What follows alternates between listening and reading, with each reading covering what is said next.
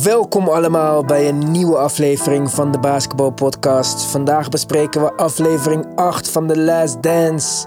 Het is woensdag. Ik kan bijna niet wachten om te beginnen. Maar eerst met mij, zoals altijd, Mark Yo guys, what's up? en Nick. What's up guys, hier zijn we weer. Ja, jongens, jullie horen het misschien al aan mijn stem. Ik ben eh, weer enthousiast. Het lijkt wel een eh, yo-yo-effect deze dagen. De ene aflevering valt me altijd tegen en de tweede aflevering eh, bevalt me dan altijd weer een stuk meer. Ik vond deze fantastisch. Wat jullie? Ik vond hem wel lachen, eerlijk gezegd. Ik eh, had gehoopt dat we meer over die Orlando-serie zouden, kijken, zouden kunnen zien. Maar ik vond aan het eind dat we veel basketbalbeelden hadden gezien in het hele, over het algemeen. En dat, dat Ja. miste ik de laatste paar afleveringen. Dus dat vond ik heel leuk. Op dat vlak eh, was het zeker een leuke uitzending. Maar ik vond ook, ja, het, is, het komt altijd een beetje terug hoe Michael Jordan zichzelf wil profileren. En misschien dat dat na, na, zo'n, na, na zoveel afleveringen bij mij even bijna, ja, dat ik daar een beetje moe van word, zeg maar. Ik snap je punt. Naar mijn mening een aanrader voor iedereen. Kijk die afleveringen niet achter elkaar. Sinds wij deze niet meer in één keer bespreken, maar in twee afleveringen doen, kijk ik ze ook een stuk uit elkaar. En dit is geen binge-serie. Je moet even één aflevering kijken, op je in laten werken en doorgaan met de volgende. Er gebeurt zoveel. En eh, ja, ik vond deze heel erg leuk. Veel dingen gebeurd. Wat mij betreft mogen ze eh, volgend seizoen over elke aflevering ook een tiendelige miniserie maken met alles wat erin gebeurt. Want hier vandaag gebeurde zoveel. Ik, ik had ook een uur kunnen kijken naar die Jordan eh Dome. daar zullen we het zo meteen over hebben. Maar Ja. er was zoveel wat ik dacht van, oh, dit is interessant, dit is interessant. Laten we dan Ja. eh, gelijk maar beginnen in eh, chronologische volgorde. Net zoals we die zien in de documentaire. Dus niet de chronologische volgorde van het echte leven. Want daar hebben deze documentairemakers eh, helemaal scheid aan. We openen met de 1998 Charlotte Playoff Semifinals tegen Charlotte Hornets. Waar BJ Armstrong inmiddels speelt, voormalige Bulls-speler. En eh, ik, ik weet eigenlijk niet eh, waarom eh, deze scène in de documentaire zit. Behalve om het feit dat het weer iets is, zoals jij ook al zei, Nick. Om aan te duiden dat Jordan maar een klein beetje nodig heeft om, om, het, ja, om on fire te worden. Of hoe noem je dat? Om zich op te peppen. Ja, En dat was in dit geval BJ Armstrong. Zei, eh, he knew how to beat the system. En had één goede wedstrijd in zijn leven. en ja, het is, eh, dat was eh, denk ik een beetje de, de rode draad door deze uitzending. Dat Michael Jordan dingen zoekt om eh, aan te to get himself going. Ja. Ja, to get himself going, inderdaad. En inderdaad, zoals je net zei, misschien ehm, moet ik ietsje meer geduld hebben om de volgende aflevering te kijken. En ehm, niet zo snel naar elkaar kijken. Om even terug uit te kijken naar de volgende wedstrijd. Ehm, maar ja, dit stukje van BJ Armstrong, ik denk eh, dat is iets wat zo makkelijk vergeten wordt dat ik het wel eh, leuk vond om het nog eens opgefrist te zien. Mhm. Ehm, ja, want wie herinnert zich nog de eerste ronde van zo- zoveelste kampioenschap? Dus op dat vlak ja, een leuke opfrisser. En eh, toch, toch weer typerende details die, eh, die naar voren komen. Ja. En ik vond het super leuk om de volgende dag na die wedstrijd zag je gewoon hij met zijn baseballbat even gewoon een beetje slagen met het cigar, met zijn tweede Ja. cigar in zijn mond. Je zag gewoon de andere cigar naast hem in, de, in een bekertje. En hij is gewoon al aan het praten. Ja, yeah, how can he do this now? Don't worry, we'll get it back tonight. He doesn't know what it's like when it's 0-0. Then let's see if he's gonna be talking. BJ Dat vond ik woke up, geweldig. zei hij. Ja, dat vond ik echt dat geweldig. was echt. Ja, want inderdaad, Michael Jordan, dan scoor je een game winner tegen hem. En dan, dan, gaat Mike, dan voel je je als schuldig dat je Ja, viert dat- dat... je de beste wedstrijd van je leven speelt. Blijkt dat gewoon dat- het slechtste te zijn wat je kon Ah. doen, eh, zeg maar. Ja, ja, ja. Goed, vanuit dat punt in de documentaire gaan we weer terug in de tijd. Naar het moment dat er een strijk is in het baseballseizoen. Wat dus volgens, ook volgens Jerry Reinsdorf een, een grote fout was. Omdat ze niet de spelers de kans gaven om echt te strijken. Zoals we het ook met de lockout in de NBA hebben gezien. Ze gingen met de replacement players spelen. Jordan eh, wou er niet aan meewerken. In plaats van dat te doen, belde hij zijn eh, vriend BJ Armstrong op, die toen nog bij de Bulls speelde. En zei van, nou ja, what you doing? Ja, we gaan naar practice. Kom ook even kijken op practice. Ah, vinden ze allemaal leuk om je te zien. dat was één dag practice en de wereld stond op zijn kop. In deze documentaire komen er al eh, tien fragmenten van nieuws, eh, nieuws ehm, uitzendingen in voor. Ja, één practice hoefde de man maar te doen. En het was gewoon genoeg om mensen eh, extatisch te maken. The man is here, zei die ene, die ene guy op training. Gewoon eh, hoe Ja, ze over MJ nog praten. Echt een, Ja, het, het, het heeft me allemaal een beetje weg van eh, ergens een lokale club. eh, echt een lokale held die, die zoiets uitsteekt. Maar toch niet in de, toch niet in de NBA. Dat je gewoon even, eh, ja, bijna uit verveling even mee komt trainen. En eh, dat de bal zo aan het rollen gaat. Vind ik echt, eh, ja, ja, nog... ik ook. En dan als je ziet, ik kan me niet eens voorstellen hoe het is om in die tijd te leven. Er is gewoon echt niemand nu eh, van zijn status in geen enkele sport, in geen enkele, ja, in geen enkele iets eigenlijk. Maar dat je, dat je gewoon live meemaakt dat hij één keer komt trainen. Voor de tweede keer deze week komt trainen. Hij is er al voor de derde keer. Ja, dan gaat het toch. Dan, dan denk je toch, ja, het, gaat Ja, het ja. gebeuren of niet? Ik denk dat dat bijna nog een spannender moment is. dan waar wij nu in zitten. met gaat de NBA terugkomen of niet? Ja, I don't care. inderdaad. Fuck die hele NBA. Blijf weg, kom terug. ja, het is nu al zo lang geleden. Maar Michael Jordan kan terugkomen. Dat is gewoon een beetje alsof Michael Jackson op kan staan uit de dood of zo. Zo, zo Ja. moet dat gevoeld hebben. Het was dus eh, volgens deze documentaire snel duidelijk dat hij terug wil komen. Hij belt zijn agent op, David Falk. Hij zegt, eh, stel pressreleases eh voor me samen. Hij maakt er drie of vier, zegt kies maar. Nee, nee, vind ik niks. Nou, schrijf jij hem maar dan. En hij schrijft op een blaadje de bekende woorden. I'm back. Ja, Ja, inderdaad. kan het allemaal nog eh, eh, legendarisch? Iconisch, ja. ja. iconisch, Iconisch, legendarisch. woord, Eh, g- het is ongelooflijk. En ook de timing die perfect was. Ja, met die strike in baseball. De Bulls waren ook aan het struggelen, zeg maar. Ze, ze hadden net, eh, eh, ze, ze, ze verloren bijna evenveel als ze wonnen. Barely above 500, ja. Ja, inderdaad. Dus het was, ze waren aan het struggelen. Eh, alles, alle all cards were in place eh, om, om dit. En ook, ja, dus als MJ dan eh, met het team naar de, naar, de, naar de playoffs ging en ze verloren, ja, dan had hij zichzelf niks te blamen. Want ja, het was maar een half seizoen dat hij terugkwam. Maar hij had wel zoveel te winnen. En ja, wat er dan gebeurde in die playoffs was ook. eh, Ja, Ja. daar ontmoeten ze dan eh, ook Horace Grant, die op dit moment bij de Orlando Magic speelt.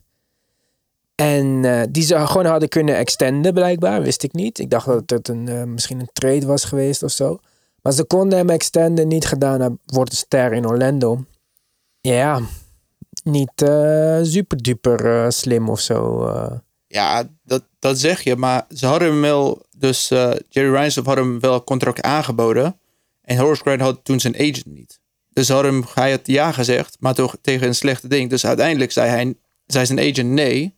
Dus de Bulls wou hem niet een betere offer. Dus daarom ging hij naar de Magic uiteindelijk. Hè? Ah, dus ze hebben het niet echt goed niet. uitgelegd. Maar dat was interessante kleine dingetje. Dat ze missen af en toe over Horace Grant in, deze, in de series. Ja, dat wist ik Ja. niet bijvoorbeeld. Maar ja, Michael komt terug met nummer 45. Niet met nummer 23. Waarom? Zijn vader heeft hem nooit in eh, nummer 45 zien spelen. Of tenminste eigenlijk wel, want het was zijn eerste basketbalnummer. Mhm. Maar het voelde voor hem gewoon niet goed om terug te komen met 23. Maar nummer 45 verliep ook allemaal niet zo eh, super terug. Niet, niet zo super goed. Want in de playoffs tegen de, tegen de Magic. Ja, hij, hij struggelt toch een beetje. Het, is niet hetzelfde. Blijkbaar is trainen voor baseball en trainen voor basketbal een, een heel ander ding. Ja, en dan heb je die bekende sequence dat Nick Anderson de bal steelt van achteren. Hij paast hem naar Penny, die geeft hem aan Horace Grant en die dunkt. En ja. iemand in die... Nog een, een leuk detail daarbij is dat Nick Anderson is, eh, was een van de eerste Jordan-athletes. Dus hij droeg ook de, de Michael Jordan's schoenen Wow. terwijl hij dat deed. Oh, dus cool. ja, Ja. hem kennende Oh jeetje. Ja, is dat nog extra, ja, inderdaad. Maar dat was het moment dat iemand in de documentaire ook zei. Dit was als kijken naar Muhammad Ali in het tweede gedeelte van zijn carrière. Toen mensen hem echt konden raken. Van wow, you, can learn a punch on Ali now. En je kan de, de bal pakken van Michael Jordan nu. Ja, hij was een stukje menselijker.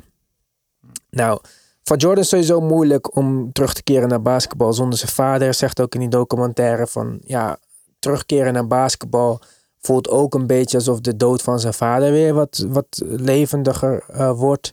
Hij voelt zich naakt zonder zijn vader daar. Ja, hij beleeft mooie momenten.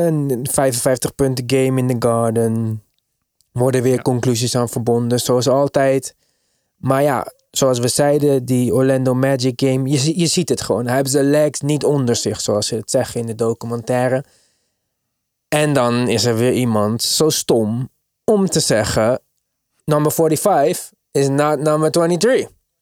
Ja, geef Jordan maar weer iets om eh, op te bouwen. Hij verandert zijn nummer naar 23, ze winnen game 2. Ja, het, het is bijna een soort Ja, van: ja. Waarom, waarom doe je dit? Eh, Ja. Het heeft hem ook een flinke boete gekost trouwens om dat te doen. Maar fuck Ja. eh, Ja. het nummer was gewoon emotionele waarde. Wat me ook opviel deze aflevering was eh, weer dat eh, een soort van akkefietje van, eh van Scottie Pippen. Eh, dat, dat Scottie Pippen boos begon te worden en dat hij de, de- zo'n klapstoel op het terrein gooide.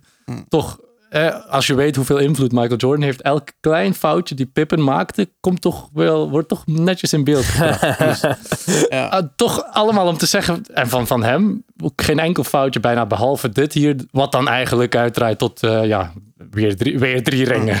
Ja, inderdaad. Dus Pippen maakt één foutje en dat bepaalt een soort van de serie. En Michael Jordan doet wel dingen fout, maar dat is eigenlijk niet fout. Want hij heeft gewoon nog niet de conditie die hij nodig heeft om te kunnen competen. En ze worden van de, de vloer eh, gespeeld, eigenlijk, nou niet gespeeld, dat is een beetje overdreven. Door een jong Orlando team. Mark, Shaq, Penny, Horace spelen snel. Jij hebt het gezien volgens mij van het weekend ook. Ja, ik had de hele serie gekeken en je zag gewoon, dit is de prime Shaq. Hij was gewoon super atletisch. Hij kon gewoon elke keer gaan even naar voren naar, naar achter rennen. Ja, prime van Hardaway was first atletisch team en die soort dingen. En het was echt gewoon, je kan niet klagen over dat de Bulls niet gewoon geschikt waren om die team die seizoen met een Michael Jordan die wat minder was, te verslaan. Ja, het is gewoon de ene seizoen dat ik denk, Michael Jordan had het gewoon niet. Ook als hij in zijn top was, hadden ze niet geslaan, persoonlijk, vind ik. ik. Ja, dat eh, denk ik niet. Ik eh, weet het ook niet, maar inderdaad, ja. Ik, ja, elk excuus, zeg maar, tussen haakjes dat Michael Jordan gebruikt, denk ik altijd van, ja, hij heeft echt gewoon twintig maanden gebasebald. En dat zijn de dingen die je op het einde van een wedstrijd een beetje, dat dribbeltje en niet, net niet op tijd terug achterom kijken, dat, eh, ja, we gaan het natuurlijk nooit weten. En, eh, het komt er gewoon op neer dat als ze niet winnen, dat het iemand zijn schuld is. En als ze wel winnen, dat het komt door Michael Jordan. Ja, ja, voilà. Dus ja, dat ergens, ja, ergens wel inderdaad. Maar goed. Creative director, dus ja, Ja. ik denk dat Michael Jordan echt wel in de credits moet staan als eh, ja, alles, eh, alles bepalend. Maar goed, ze verliezen. Ze gaan niet door. En in die zomer gaat Michael Jordan Space Jam opnemen. Maar hij realiseert zich wel van... Hey, deze nieuwe league, nieuwe spelers, jonge spelers. Ja, ik, ik moet er echt wat aan doen. Ik moet mijn lichaam gaan veranderen. Ik moet trainen. Ik moet spelen. Ik moet weer in het ritme komen. Dus hij zegt, ik wil best die film opnemen. Maar ik wil dat jullie een facility voor mij bouwen. Waar ik kan, eh, waar ik kan trainen. Tim Grover, zijn persoonlijke trainer, vraagt ook van ja, geef me maar een belletje weer, wanneer je wil, weer wilt gaan trainen. Hij zegt ja, morgen. Oké, we gaan weer verder. En ook eh, Warner Bros. eh, doet niet gierig en eh, bouwen deze hele bijzondere Jordan Dome voor hem. ik moest het meteen gaan opzoeken. Wat gewoon. Van, je zag zoveel mooie beelden van alle spelers daar. En gewoon dat Jordan was aan het filmen van 7 tot 5. Tot 5. Toen ik die beelden van die pe- spelers ging kijken. Ik dacht, ik ken één of twee van die mensen niet. Of een paar van die mensen niet. Ik dacht, hè, wie is dit? En wat bijzonder is. Allemaal van die film. Ik moest het even opzoeken. Want ik wou kijken meer naar de Jordan Dome. Dat is allemaal van de film dat ze hebben ooit opgenomen in de Jordan Dome. Ze hebben niet meer dan dat. En ze waren op de Warner Bros. set. Met camera's overal. Ik dacht dat ze wel wat meer hadden, want ik heb wel wat meer beelden gezien in, eh, op videobanden en zo. Want dit, dit stukje komt ook voor op, op de videobanden van Michael Jordan, His Ernest, Come Fly With Me. Ik weet niet welke van de drie. Ik denk dat eh, MJ wel eh, wat beelden mee naar huis heeft genomen om, eh, om alle spelers ja, dat kwam, net voor de wedstrijd. dat kwam Ja. ook in de documentaire aan bod. Ze waren echt de spelers aan het analyseren. Reggie Miller, Chris Mullin. om te kijken hoe ze speelden. Zodat ze dat weer tegen hun konden gebruiken in het aankomende seizoen. Wat mij opviel, is dat Horace Grant daar was. Hm. Want ik dacht dat we een beetje boos waren op Horace Grant. Had hij niet al geklikt tegen de rijter en zo? En ik zie daar gewoon Hm. die goggles eh, rondlopen. Ja. Niet op Team Jordan, Ja. maar alsnog. eh hij liep er wel. Ja, ja, ja, Dus dat- inderdaad. Ook, maar ook Reggie Miller liep daar rond. En dat zijn ook niet bepaald de, beste vrienden geweest Nee, oké, maar dat is wel een directe concurrent op jouw positie in dezelfde conference. Dus dat je die uitnodigt om een soort van mee te competen en je krachten meten, oké. maar ik zou, ik zou niet iemand uitnodigen waarvan ik weet dat hij mij heeft verraden, zeg maar. Dat, dat gaat een beetje... En wie is Horace Grant? Horace Grant was best een ster op dat moment, maar niet een wauw-wauw ster, eh, zeg maar. Nee. Nee, precies. B- B-level. Ja, Maar- B+. Ja, maar, mis- misschien, ja, ja, misschien wou Mike hem gewoon echt afmaken. En eh, was, was er niet meer aan te zoeken. Of eh, ja, was er niet meer achter te zoeken. Ja, Rodman ook daar vond ik heel leuk om te zien. Ik Ja. vind het respect wat Rodman krijgt van Michael Jordan. Hij is niet eens mijn favoriete, of een van mijn favoriete spelers zoals die dat van jou is, met een bijzondere plek in je hart. maar ik vind het respect wat hij keer op keer krijgt van Michael Jordan, vind ik echt mooi om te zien. Eh, dan, dan, ja, het is gewoon eh, meer dan, dan het gekleurde haar. Hij respecteert hem om de basketballer die hij is. Ja. Anders was hij daar ook niet geweest. En anders was hij ook nooit bij de Bulls, eh, bij de Bulls gekomen. Je ziet een jonge Juwan Howard daar. Vond ik ook wel leuk om te zien. En eh, wat we voor het eerst zien... is Jordan op de Jordan 11's. De bekende Space Jam schoen die elk jaar in december weer terugkomt... met limited editions waar een run op is die direct meer waard zijn. Nick, Jordan 11's. Ja, dat is ook, eh, eh, ook ontworpen door Tinker Hatfield. En dit is misschien wel de meest gewilde schoen ja, die uitkomt gewoon. Ze, ja, welke basketbalspeler denkt er nog maar aan om een schoen uit te brengen half in eh lacqué, of hoe zeggen jullie dat hier? Die, die, blinkende, die blinkende harde stof. Oh, lak. Ik dacht lake. Lak, Ik dacht, ja. is dat een staat Ah, van lacqué is- pauze of zo? Wat is dit? nee, lacqué, dat is een beetje Frans, denk ik. Ja, eh, nee, ik eh, snap, eh, volgens mij, dat, dat zou wel Maar- kunnen kloppen. Ja. Het, het lijkt wel op een. ja, gewoon het, het, eerste zicht. eh, Niet iedereen kan zomaar wegkomen met die schoen. Nog steeds niet. Soms eh, het ziet er ook eh, een beetje. Ja, Ja, als je dat stofje ziet, denk je meer aan een soort van kinky dingen en zo. ja, ja, inderdaad. inderdaad. En de, dat is de meest iconische schoen met een eh, licht doorzichtige zool. ja. Gewoon, ja, iconisch. En dan nog eens Heb jij ze? Jam. Ik heb ze gehad. Welke? Deze Maar- of andere kleur? Ehm, zwart, wit, rood. Zwart, Black wit, and red. Ik heb Gamma Blues. Ja, oh, de Gamma Blues, dat zijn de Space Jams, toch? Niet? Nee, die zijn Welke? zwart met Oh, nee, eh, Gamma- lichtblauw. Gamma Blue. Oh, die zijn ietsje, ja, dat is geen OG, eh, geen original. Nee, nee, nee. eh, Die OG color. is nog meer oké. waard. Ja, maar ja, ik heb ze gehad en dan ben ik ook heel eerlijk als ik in de spiegel kijk. En dan zie ik van, ja, deze, ik kan ze houden voor op de kast, maar dat, ik, ben een, ik draag liever schoenen. En als ik ze niet kan dragen, dan verkoop ik ze weer. Ik heb ze niet eens met winst verkocht. Nee, Dus, ik vind ze eh, sowieso niet lekker zitten. Maar ik heb dat met alle Jordans Ja. en ik heb er veel geprobeerd. Ja, ja, ja, die Jordan 10, dus die van het jaar ervoor, die Nick Anderson had, aan had, dat zijn echt alsof je een sofa rond je voet hebt. Dat, dat zijn echt de meest comfortabele Jordans. Ja? Die, ja, die zijn er iets minder mooi van uiterlijk, maar die zijn echt eh, ja, zo comfortabel. Maar goed, genoeg over schoenen. Oké, nou dan moet ik die Jordan 10's maar een keer gaan passen. Volgens Ja, mij zijn ja. die ook nog eens een keertje uitgekomen met zo'n speciaal koffertje en zo. Ja, en die zijn, ja, dat kan wel. En ook met een ja, met 45 op de zijkant of 23. Ja, en, tuurlijk. We eh, moeten alles ja. exclusief maken om nog meer schoenen te ja, verkopen. ja, ja, ja. Daar had Orfeo ook nog wat over te zeggen, maar dat zullen we van hem horen wanneer hij weer eh, terug is in de podcast. Ja. Over die Jordan 10? Over Of, Jordan eh, schoenen en marketing in ah, het algemeen. Ja, oké. nee, daar kunnen we misschien een aflevering eh, mee vullen. Ja, later, want, precies. eh, daar, daar wil ik altijd wel over meepraten. Maar goed, Ja. Space Jam dus gefilmd. Hè, de film die dit jaar ook uitkomt met LeBron James. Ik had verwacht dat ze wel wat meer daarover gingen hebben. Ik had verwacht dat Michael Jordan een soort van statement wil maken dat hij de Space Jam originator is en niet eh, LeBron James. Maar dat viel nog wel mee. Ja, Waar het vooral om ging, is dat hij in vorm is gekomen en op kamp kwam, ready to play. In supervorm.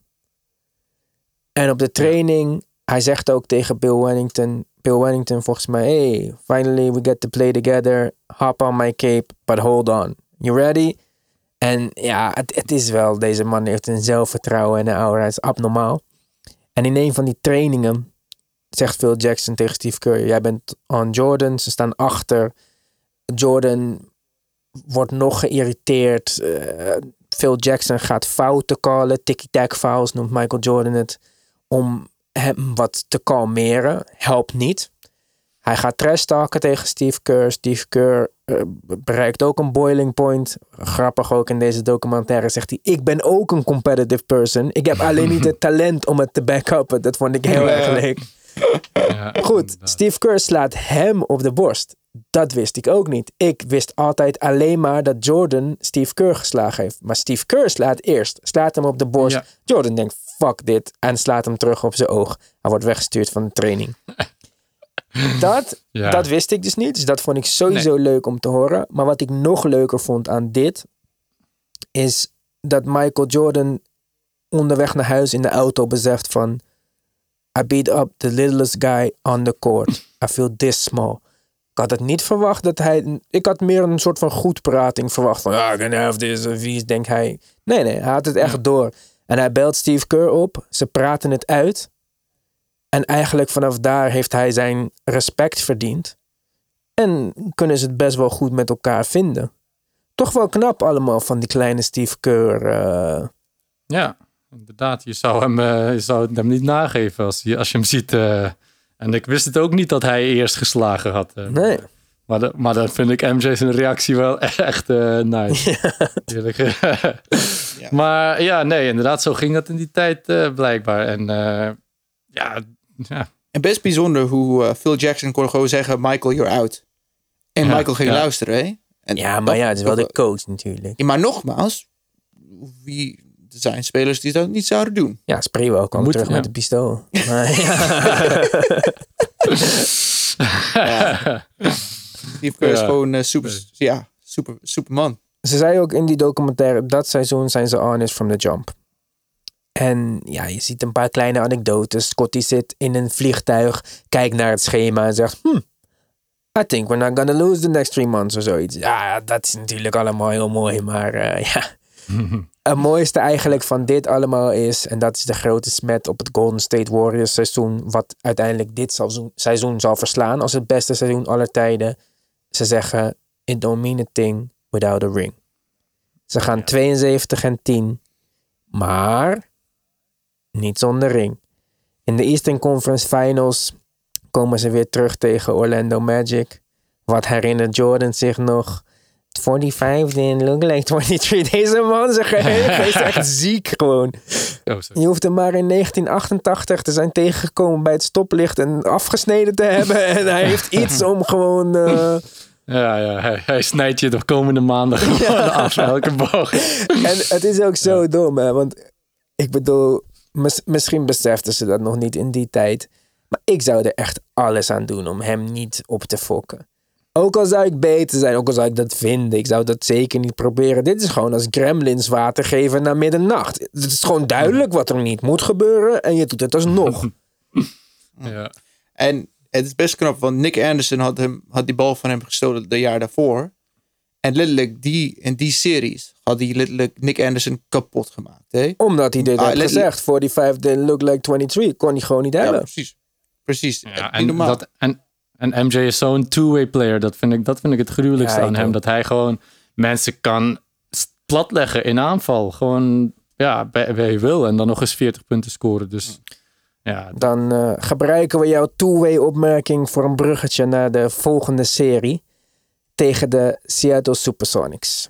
The greatest mismatch in finals history noemen ze het. Gary Payton, Sean Kemp, twee eh, legendarische spelers, ook in onze 90s draft eh, naar voren gekomen. Tenminste, Gary Payton dan. In ieder geval, ze worden gekozen door George Carl, bekende coach uiteraard. Die eh, komt in hetzelfde restaurant als Michael Jordan. Michael Jordan kent hem, heeft met hem gegolfd. En hij zegt nog, hey George. George loopt langs zijn tafel en wil hem niet groeten. Nogmaals, geef de Kremlins geen water na 12 uur. Hij vat het persoonlijk op. En het is gewoon zijn missie om ze te verslaan. Eerste wedstrijd is kansloos. En grappig, of grappig, wat ik ook niet wist. Carl zet gewoon Peyton niet op Jordan, want hij wil hem bewaren voor de offensive end. En dat is nou net wat jij zegt. Een goede two-way speler hoef je niet te sparen op één ehm, on one end. Want die, die haalt juist die energie daaruit. Hele domme, domme actie, vind ik persoonlijk. Van, eh, als jij speelt tegen de beste aanvallende speler en jij hebt de reigning defending player of the year in jouw team, Ja. dan, dan lijkt dit mij de meest. Dit is zeg maar, de, de, ik denk dat mijn moeder zelfs dit, dit, dit zou kiezen. Eh, ja, doe maar hem dan. Eh, als we toch Ja, iemand moeten proberen om hem te stoppen. Ja. En het is niet alsof hij ging scoren de eerste paar wedstrijden. Hij had hij gewoon... Ja, de eerste wedstrijd had hij 13 punten. Ja, Ja. wat is de punt dan? Ja, Ja, en, echt gewoon... en alsnog, hij was niet offensive player of the year of topscorer. Hij was defensive player of the year. Dus Ja. waarom zou je zijn... Ja, ik snapte het niet helemaal. Maar ik vind George Carl sowieso niet zo'n goede coach. Hij heeft ook Carmelo Anthony carrière een beetje in de weg gezeten. Maar goed, eh, Gary Payton zegt dan... Ja, ik was het zat. Ik wou Michael Jordan verdedigen. En kijk dit, dat. ah, ik heb ervoor gezorgd. Als het vanaf het begin was gebeurd... dan had het er misschien anders uitgezien. Michael Jordan krijgt die beelden terug te zien op een iPad... of wat voor tablet ook was. En hij moet gewoon alleen lachen. Dit is een nieuwe meme in the making. En hij zegt, eh, the glove. I had no problem with the glove. Hij had andere Ja. dingen aan zijn hoofd, zei hij. Maar dat, dat kan je ook op twee manieren interpreteren. I, I had no problem with him. Als een, ja, ik had het niet, niet moeilijk met hem. Eh, ik vond het gewoon makkelijk om alsnog tegen hem te Dat spelen. was dat Of- wat hij bedoelde, volgens mij. Tenminste, Ja, ik ja, ja. kan niet in zijn hoofd kijken, maar zo kwam dit op mij over. Ja, inderdaad. Maar toch, ja, het kan ook eh, anders eh, geïnterpreteerd worden. Dat vond ik een, beetje, dat- dat dat- vond ik een beetje nep, eerlijk gezegd. Je kan het wel achteraf zeggen. Ja, maar in die moment toen hij heel, twee zijn hele slechte wedstrijden hadden. Ja, dat, dan zeg je niet nou. Het is niet alsof eh, Seattle waren gewoon een 8 seed of zo. Ze waren wel een first seed en ze hebben gewoon... In de West, ja. De Gloves, ja, dat is gewoon... En er was nog niet super sterke Western Conference toen. Maar nogmaals, het werd sterker. Dat, dat, dat, dat nam ik wel een beetje mm, pinch of salt, eerlijk gezegd. Ja, kijk, ik, ik dacht nog in eerste instantie, ja, hij heeft ook wel een soort van punt, want uiteindelijk verslaat hij hun. En volgens hem dus, wat ik al zei, hij zegt, ik heb andere dingen aan mijn hoofd. Wat voor andere dingen? De championship game vindt plaats op vaderdag. En dit is eigenlijk eh, waar Michael Jordan op dit moment het meest mee zit. Dood van zijn vader, die die een soort van in dit seizoen heeft verwerkt pas. Hij heeft er twee jaar pauze gezet met de honkbal, gevlucht van zijn gevoelens. En nu keert hij terug en op Vadersdag krijgt hij kans om eh, de titel te pakken. En dat doet hij dan ook. Ligt uiteindelijk huilend op de vloer. Waar LeBron James alweer over twitterde. Dan denk je, jongen, hou je bek eens een keertje. Je hoeft niet over alles vergelijking te trekken met Michael Jordan. Maar ja, ze winnen de titel. En jongens, in deze uitzending kwam er dan, werd de nadruk gelegd op dat, dat er maar een klein beetje nodig is voor hem om gemotiveerd te raken, om jou volledig de grond in te stoppen. En ik vind mezelf ook altijd een harde werker en competitief. Maar vergeleken bij hem ben ik een een golden retriever of zo. Want het is echt, eh, het is echt een ander level. Dit was voor mij het perfecte eindpunt van deze, document, deze aflevering geweest. Ja. Maar zoals gewoonlijk moest de documentaire maken weer een rare sprong maken. En zijn we voor de laatste drie minuten nog even terug in 1998. Ja, tegen de Pacers. Reggie Miller zegt wij zijn een beter team. Ja, Ja, wa- jongens. ja, waarom moet hij dat... eh, En dan ja. klaar. Ik dacht, Ja, Ja, het slaat nergens ja, precies. Dus of gaat dan nog een kwartier door. Maar dit was zo zonde. En ik, ik snap dat de nadruk had moeten liggen op het 1998 seizoen. Tenminste, zo is die documentaire aan ons verkocht. Dat we mee gaan kijken achter de schermen in één seizoen. Hadden we ook gewoon een tiendelige documentaire over kunnen maken, volgens mij. maar goed, dat gaan we nog wel eens een keertje nabespreken. Eh, voor deze uitzending dacht ik, wauw, dat, dat huilende beeld op de vloer, dat had hem gewoon moeten zijn. Dan was ik ook eh, van mijn stoel gestapt Ja. met een gevoel van, wauw, wat een uitzending. Maar we gaan nog even naar 1998 in de serie met de Pacers. Leuk om eh, Rick Smits aan het werk Ja. te zien. ja, dat wordt hij ook nog even zien. Kijk, dat Ja. Reggie Miller zegt, wij zijn een beter team. Nou ja, misschien herinner ik mij de Pacers in 1998 niet zo goed. Dat zou heel goed kunnen hoor. Dat, ik zeg niet dat mijn geheugen perfect is. Maar nee. Met alle respect, nee. Michael Jordan, Scottie Pippen, Dennis Rodman. Nee hoor, Reggie. Niks, niks. En hij dacht, I'm going to be the player to retire Michael Jordan. Helaas, pindakaas, niet gelukt. Goed, volgende afleveringen. We hebben er nog twee over. Oh, Dit begint een beetje te voelen als het einde van de vakantie of zo. Ehm, ja. je weet dat het einde in zicht komt. Ik vind het heel jammer. En ik vind Ja. echt dat ze een soort van verplicht zijn om, om nog een serie te maken. Ik wil gewoon vanaf nu Ja. de komende tien jaar elk jaar een serie over Ja. elke aflevering van deze documentaire mogen ze een heel seizoen maken. Inderdaad. Nee, dat is, eh, ik krijg er ook geen genoeg van. Jij zegt einde van de vakantie. Bij mij was het alsof iemand zijn tachtigste verjaardag viert.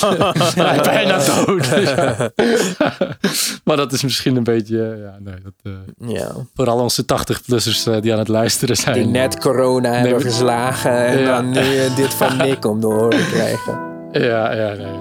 Goed, we gaan het volgende week weer zien. Weer twee nieuwe afleveringen. De laatste twee dus. Aflevering 9 en aflevering 10. 9 gaan we maandag bespreken. 10 gaan we woensdag bespreken. Maar voordat wij dat gaan doen... Aankomende vrijdag. DBP Live. Zoals je elke vrijdag tegenwoordig van ons gewend bent. Wij hopen dat jullie dan weer luisteren. Voor nu check onze Instagram. At, De basketbal podcast. en op Facebook zijn wij. De Basketbal Podcast. Wat doen wij dit toch altijd weer mooi. En jongens, nogmaals, 5 ster rating, 5 ster review wordt echt, echt, echt gewaardeerd. Voor nu zeg ik dan fijne dag. Maak wat moois van. Je hoort vrijdag weer van ons. DWP Live, mis het niet, mis het niet. Yo guys. Tot ziens. Vrijdag.